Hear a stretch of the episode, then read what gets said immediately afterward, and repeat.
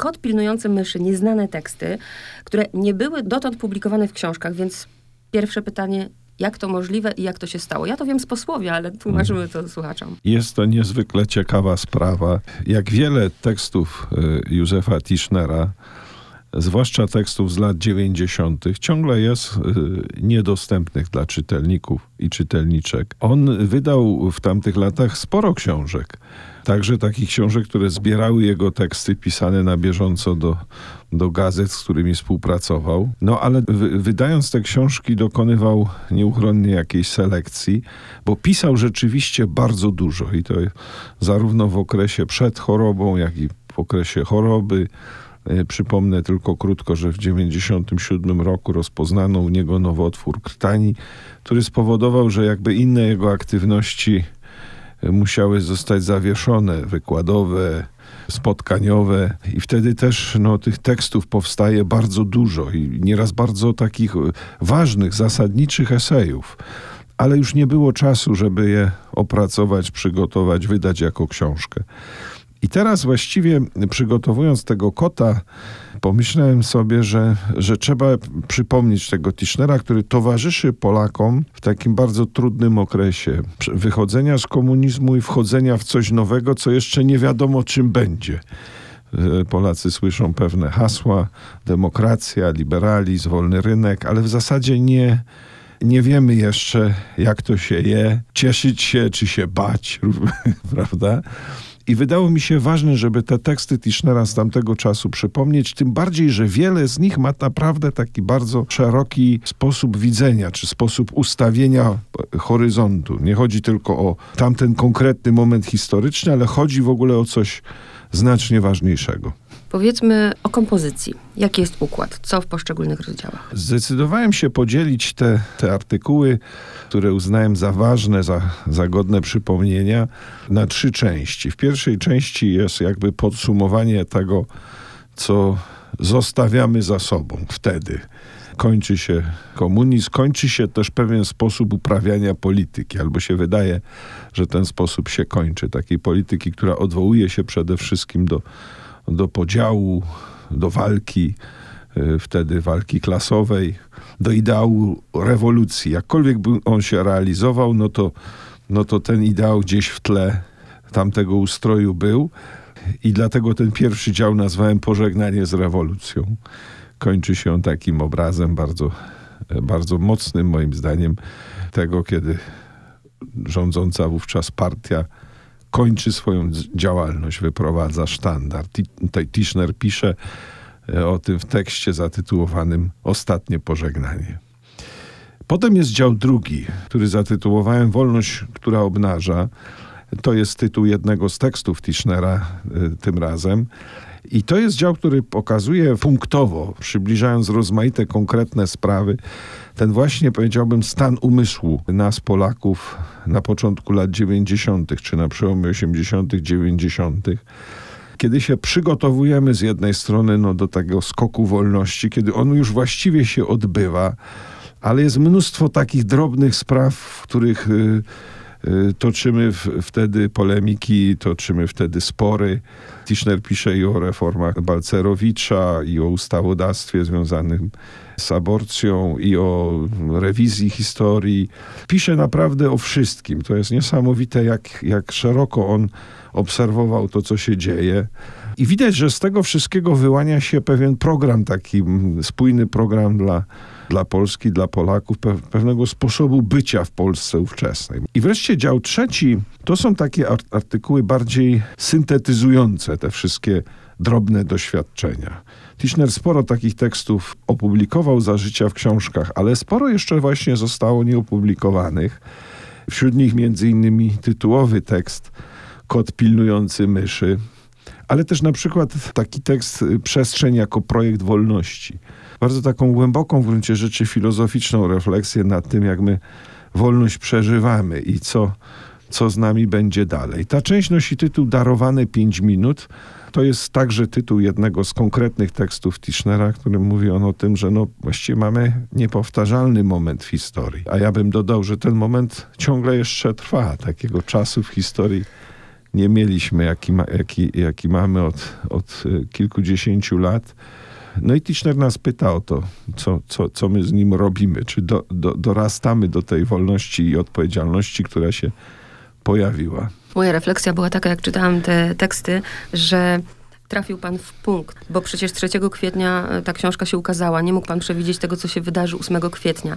Tischner, który kilka dekad temu napisał te teksty, a ja przy każdym tekście tylko tak kiwałam głową, że to jest nie, niewiarygodne, że to jest tak aktualne. Tak, muszę powiedzieć, że i mnie samego to zaskakiwało. Ja z początku myślałem o tym jako o książce takiej przede wszystkim historycznej. Zbliża się rocznica wyborów czerwcowych, a więc no, no takich ważnych jakby wydarzenia, które zapoczątkowało cały cykl innych ważnych wydarzeń. I myślę sobie, no warto sięgnąć po tamte teksty, żeby pokazać, jak, jak, jak, jacy byliśmy w tamtym momencie, ale nie z perspektywy no, politologa, socjologa, tylko z perspektywy kogoś, kto patrzy z jednej strony jako filozof, z drugiej jako duszpasterz. Można by powiedzieć, jaka była nasza duchowa historia. To mnie interesowało. A potem się okazało, że co właściwie brałem tekst do ręki, to można go było odnieść do jakichś naszych współczesnych sporów, do jakichś współczesnych napięć. I to jest trochę smutne, a trochę nie. To znaczy, że on dobrze wiedział, że ta lekcja nie będzie do odrobienia z dnia na dzień. I chyba sobie to musimy po prostu uświadomić, że różne nasze dzisiejsze, prawda, zawirowania one mają źródło jeszcze tam, jeszcze pewne problemy po prostu zostały nieprzerobione. Czy je dobrze przerabiamy, to już jest inna sprawa. Natomiast Tischner może nam tu coś podpowiedzieć, jeśli chodzi, nie wiem, o nasz stosunek do demokracji jako takiej, naszej, jeśli chodzi o poczucie odpowiedzialności za po prostu demokrację, za stan państwa. Czy my to w sobie wypracowujemy, czy nie, prawda? Jak się ono manifestuje? Czy ono ma się manifestować tylko, nie wiem, posłuszeństwem wobec władzy, czy na przykład jednak protestem, sprzeciwem? To są wielkie pytania, które wróciły do nas w tej chwili z, z, z ogromną siłą.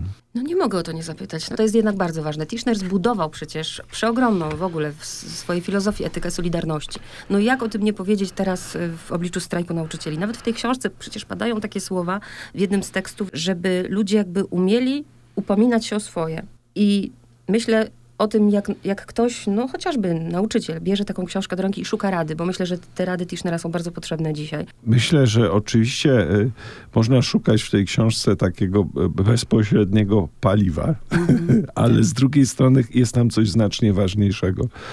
To znaczy, y, myślę, że takiemu, powiedzmy, strajkującemu nauczycielowi ta książka da pewien rodzaj pogłębienia pogłębienia tych decyzji, które on już w gruncie rzeczy podjął. On walczy w imię jakiejś sprawy. I teraz chodzi o to, czy to będzie tylko jego sprawa, powiedziałbym, tak jak to często się przedstawia w niektórych mediach, czy to będzie sprawa jego etatu i jego pieniędzy, czy też to będzie szersza sprawa. Czujemy w wielu wielu wypowiedziach, że, że dla ludzi jest to sprawa szersza, sprawa pewnego chaosu, którym jest szkoła, nie? związanego z tym poczucia utraty godności właściwie przez wszystkie strony, tak mi się wydaje w tej chwili. To znaczy i uczniowie się czują w tej szkole źle i nauczyciele nie za bardzo. I nawet ci, którzy kierują szkołami, też y, bez przerwy narzekają. I teraz pytanie, czy jest jakiś sposób wyjścia z tego? I myślę, że ten protest jest, jest takim pierwszym krokiem w stronę tego poszukiwania tego, tego wyjścia.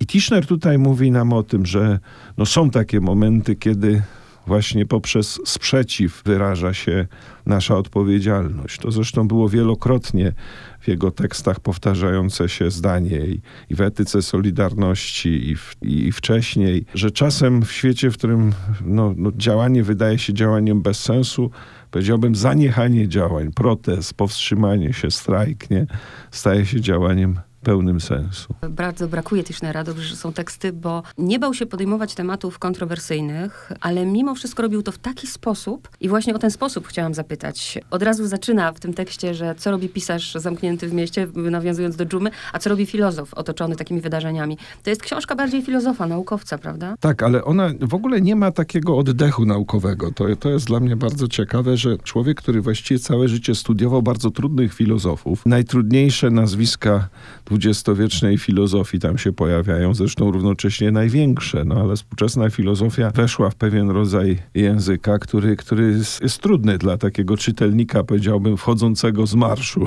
w filozofię. Nie da się czytać Husserla, Heideggera czy Levinasa z marszu. I teraz ten Tischner, który nasiąkał tym językiem, potrafił się jakby od niego uwolnić, czy wznieść się ponad niego. Wziął z tej filozofii pewne sposoby patrzenia, ale mówi już o nich y, językiem bardzo przystępnym. Bardzo mu zależy na tym, żeby móc się z ludźmi porozumieć. W ogóle naczelną intencją tej książki, piszę o tym szerzej w posłowiu, jest, wydaje mi się, wola porozumienia. Po pierwsze, porozumienia z czytelnikiem, ale też przede wszystkim pokazania, że w społeczeństwie, które się spiera, można spór organizować tak, żeby on nie był niszczący dla tej wspólnoty. On może być ostry, bo Tischner bywa ostry w swoich tekstach i w swoich sądach. Jeśli jakieś zjawisko mu się nie podoba, powiedzmy, nie podobało mu się to, co się działo na antenie Radia Maryja na przykład, nie podobały mu się takie czy inne wypowiedzi publiczne polityków, czy ludzi aspirujących do bycia politykami i tak dalej, on je ostro osądza, ale z drugiej strony zawsze to jest tak zrobione, żeby przewagę miał argument, a nie emocja, żeby też nie było w tym, nie wiem, takiego gestu, który dzisiaj jest dosyć łatwy i dość powszechny, mianowicie gestu skreślania.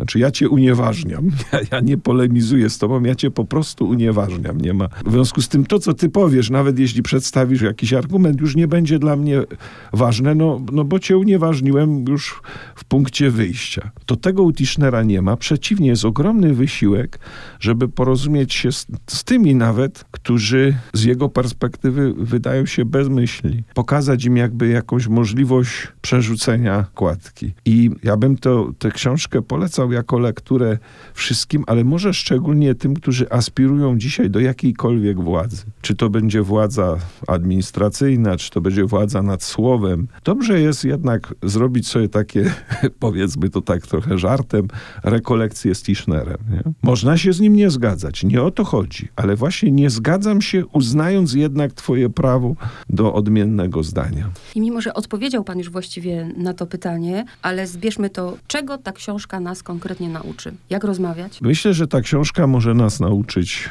sztuki rozmowy, sztuki sporu, bo my właściwie już prawie nie mamy sporu, tylko mamy jakby takie wzajemne odmawianie sobie racji, a to już nie jest spór, prawda? Bo to wtedy nie ma już skrzyżowania się argumentów. Tischner w latach 90. brał udział w bardzo takich gorących polemikach z ludźmi zresztą, którzy dzisiaj są czynni w polityce. I to było ciekawe, że te polemiki były możliwe, ale widocznie w ludziach nie tylko w Tischnerze, był rodzaj jakiejś takiej właśnie woli porozumienia, że my mimo wszystkich różnic budujemy pewną całość. Dzisiaj mamy, mam wrażenie, że idzie to w stronę raczej takiego myślenia, że budujemy alternatywne rzeczywistości. Albo będzie nasza, albo będzie cudza. Ten fenomen zresztą Tischner zanalizował bardzo wcześnie, jeszcze w latach PRL-u. I nieprzypadkowo tę książkę otwieram tekstem Kłamstwo polityczne. Bo to jest tekst, w którym na przykładzie ówczesnej propagandy, ówczesnej ideologii, Tischner pokazuje mechanizm, który dzisiaj my bardzo dobrze obserwujemy. To znaczy taki mechanizm zarządzania ludźmi poprzez no właśnie podział świata na my, oni, poprzez podejrzliwość, poprzez przypisywanie tym onym jakiejś intencji, nawet jeszcze zanim oni się zdążyli tak czy inaczej wypowiedzieć. Nie? Tischner pokazuje, że myślenie polityczne to jest takie myślenie, które po prostu zarządza ludzkimi rozmaitymi lękami, strachami, albo je kreuje i próbuje ludzi prowadzić no, w pewnym sensie na linię frontu. Nie?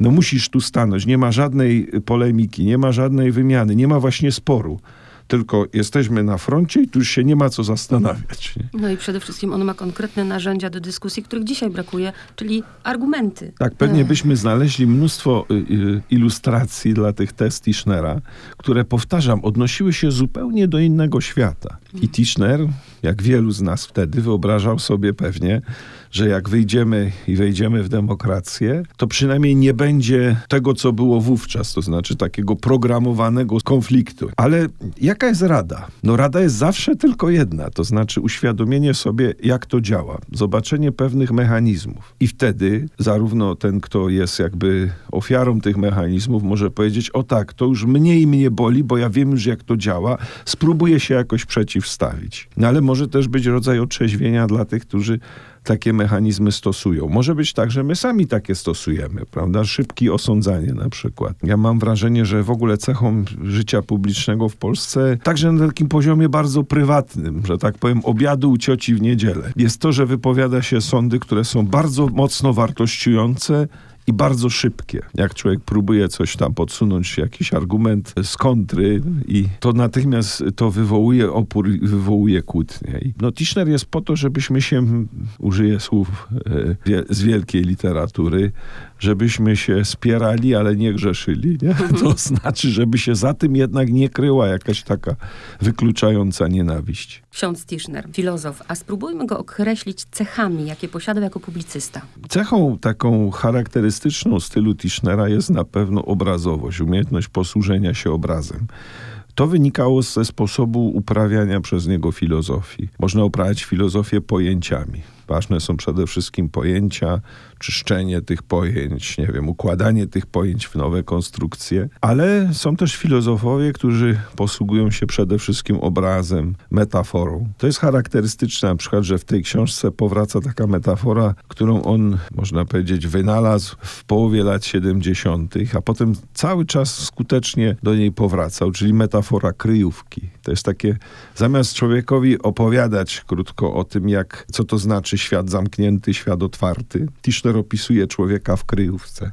Człowiek sobie może zbudować całkiem komfortową kryjówkę, dobrze w niej funkcjonować, nawet się komunikować z innymi kryjówkami bardzo sprawnie, nie? Ale jednak żyje w kryjówce, to znaczy w świecie, który jest izolowany, w którym poczucie odpowiedzialności za to, co na zewnątrz jest bardzo małe, ale często jest zastępowane przez rodzaj strachu, lęku, rezerwy, wszystkiego, co prowadzi do izolacji. Jest Tischner publicysta, to jest przede wszystkim ktoś, kto nam podsuwa pewne obrazy, pomaga nam jakby z rzeczywistością radzić sobie za pomocą obrazów. Po drugie, no ma też jednak pewne pojęcia, do których jest bardzo przywiązany i które sam stara się oczyszczać.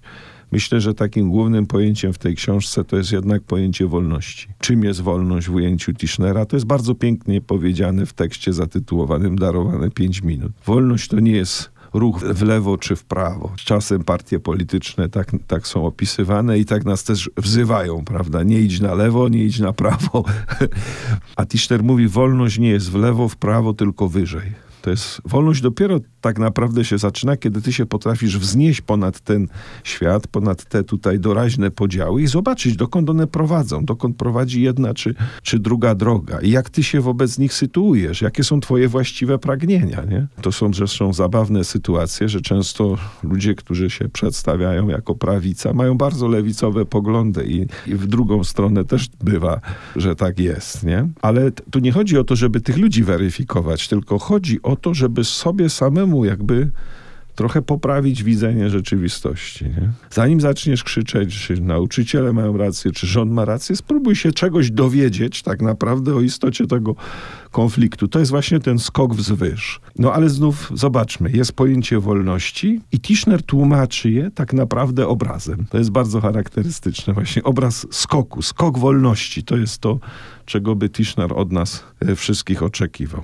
I wreszcie trzecia cecha tej publicystyki, która mnie, się, mnie jest osobiście najbliższa, to jest jednak taka intencja pozytywna ona przy wszystkich elementach krytycznych, jakie zawiera, polemicznych, w niej wyraża się jednak wiara w to, że człowieka można przekonać, prawda?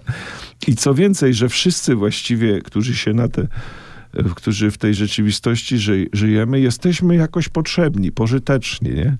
Nawet ci, którzy skądinąd nas denerwują, do, z którymi nam jest nie po drodze.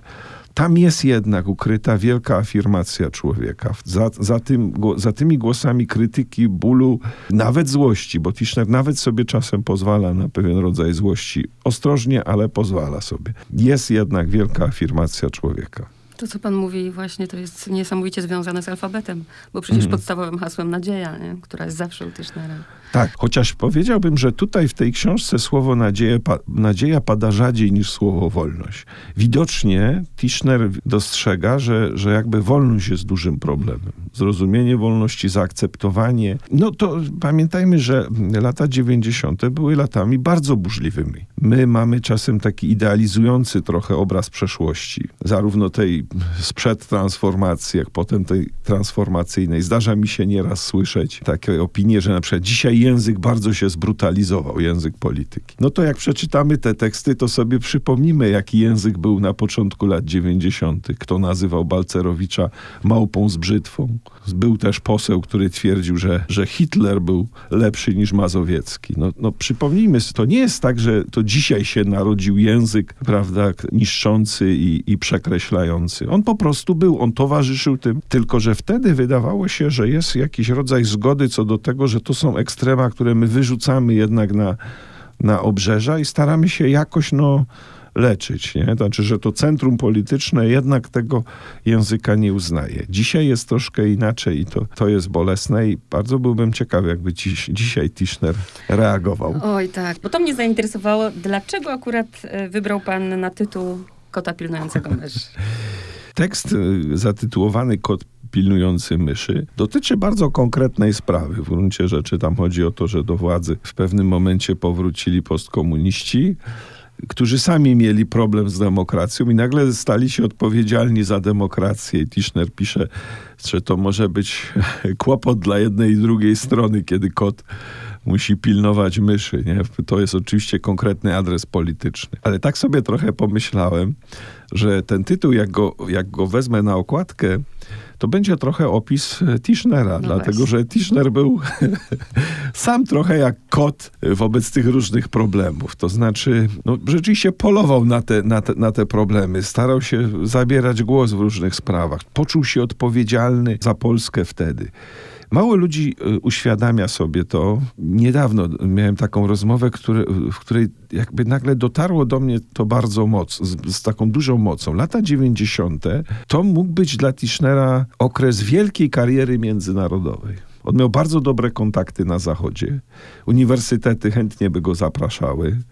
Miał, miał zresztą zaproszenia na liczne międzynarodowe konferencje, a on jakby nie chciał wejść na tę karuzelę, tylko uznał, że ważniejsze jest to, co się dzieje w Polsce, żeby towarzyszyć tym zmianom, które zachodzą w Polsce. Muszę powiedzieć, że budzi to we mnie ogromny podziw. Taka postawa kogoś, kto właściwie no, rezygnuje z, z możliwości naprawdę międzynarodowej kariery. Instytut Nauk o Człowieku w Wiedniu, który współzakładał z Krzysztofem Michalskim, to było takie miejsce, gdzie się spotykała elita świata intelektualnego. Potem spotkania u papieża w Castel Gandolfo. Stworzyły się kontakty, które dawały Tischnerowi właściwie nieograniczone możliwości funkcjonowania w świecie. Dobrze znał język francuski, dobrze znał język niemiecki, z angielskim trochę gorzej tak sobie nawet żartował, że nie wiadomo, czy Pan Bóg słucha mszy odprawianej po angielsku, ale to, było, to był jego żart, żeby się trochę zdystansować do własnych braków. Natomiast znał te inne języki i zaproszenia były, możliwości były. I teraz jednak Polska. Wybrał Polskę, nie? To, to, to, żeby być tutaj, prawda, jak to kiedyś powiedział nieco żartobliwie, takim krytykiem tych sarmatów, nie? I, i chwalić ich, ale im również coś doradzać i też ich czasem zganić jak trzeba, nie? Myślę sobie, że stało za tym, no takie, chyba to trzeba wprost tak powiedzieć, stało za tym takie głębokie, patriotyczne sumienie. Znaczy on po prostu uważał, że to jest jego świat, za który on jest odpowiedzialny. Skoro ma pisać inny innym o, o, tym, że trzeba brać odpowiedzialność, to sam nie może tej, tej odpowiedzialności się uchylać. Był potrzebny i jest potrzebny. A propos tego kota, dobrze zinterpretowałam, nawet jeszcze chyba sugeruje to pan w posłowiu, że pilnuje też, bo skoro jakby celem tej książki i tego, czego się możemy nauczyć jest jakość debaty, jakość polemiki, to ten kot, który pilnuje, jak to robić, żeby to miało poziom. Nie? Jak wiadomo, rola kota w, w domu zwłaszcza w takim domu, nie wiem, który był obok młyna na przykład, nie? albo w domu, w którym jest spiżarnia, polegała głównie na tym, no, żeby mi, myszy tego nie rozniosły i nie zniszczyły tego, co nazbierane. Ale oczywiście ta metafora o tyle jest y, częściowo tylko trafna, że właśnie w Tischnerze jest ta sympatia wobec myszy. Można by powiedzieć, że to jest taki kot, który wykonuje swoje obowiązki, ale w zasadzie nie ma w nim złości na te myszy. Nie? To raczej chodzi o to, żeby tym myszom coś po, podpowiedzieć, narzucić może im pewne... Bo on pewne... tylko pilnuje, przecież on bo nie zagryza. on tylko pilnuje, tak, tak. bo on tak. tylko pilnuje. Czy ma pan jakiś tekst wśród tych tekstów, który jest dla pana szczególnie z jakichś powodów ważny?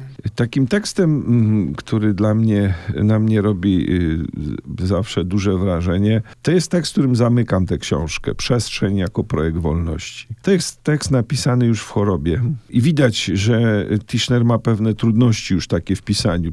Posługuje się obszernie cytatami ze swoich innych tekstów. Widocznie no, był w tym czasie w szpitalu, był, był na pewno w takiej gorszej, gorszej dyspozycji, ale również i w takiej sytuacji osobistego cierpienia on się stara dać nam coś bardzo o, takiego ważnego, tako, taką dobrą strawę. I ten tekst mówi o czymś niesłychanie ważnym, y, mianowicie o tym, że to jak organizujemy przestrzeń wokół siebie, wyraża to, kim jesteśmy. I to przestrzeń w najszerszym rozumieniu. To, to, to, ten tekst można interpretować jako tekst o naszym własnym domu. To jak budujemy dom, jak wygląda otoczenie domu, jak wygląda nasze osiedle, prawda? Jak wyglądają nasze miasta. Czy my się w tych miastach dusimy, prawda, od kaszlu, pani Małgosiu, nie? Zanim tutaj do studia przyjdziemy, to się trzeba wy, wykaszleć, żeby w ogóle, no na kopcu trochę lepiej, bo, bo wieje, ale ale generalnie Kraków jest miastem, które, które człowieka dusi, nie? I tak dalej, i tak dalej. I to idzie bardzo szeroko. I Tischner właściwie kończy ten tekst też pytaniem o to, jaka ma być przestrzeń Europy. Wtedy jeszcze Polacy nie byli ani w NATO, nie byli w Unii Europejskiej. E, oczywiście jeszcze to dopiero były pierwsze kroki w tym kierunku. Dzisiaj jesteśmy w zupełnie innej sytuacji, nie?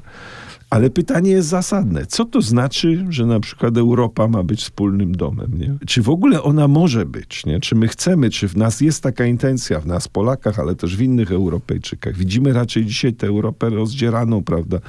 rozmaitymi konfliktami.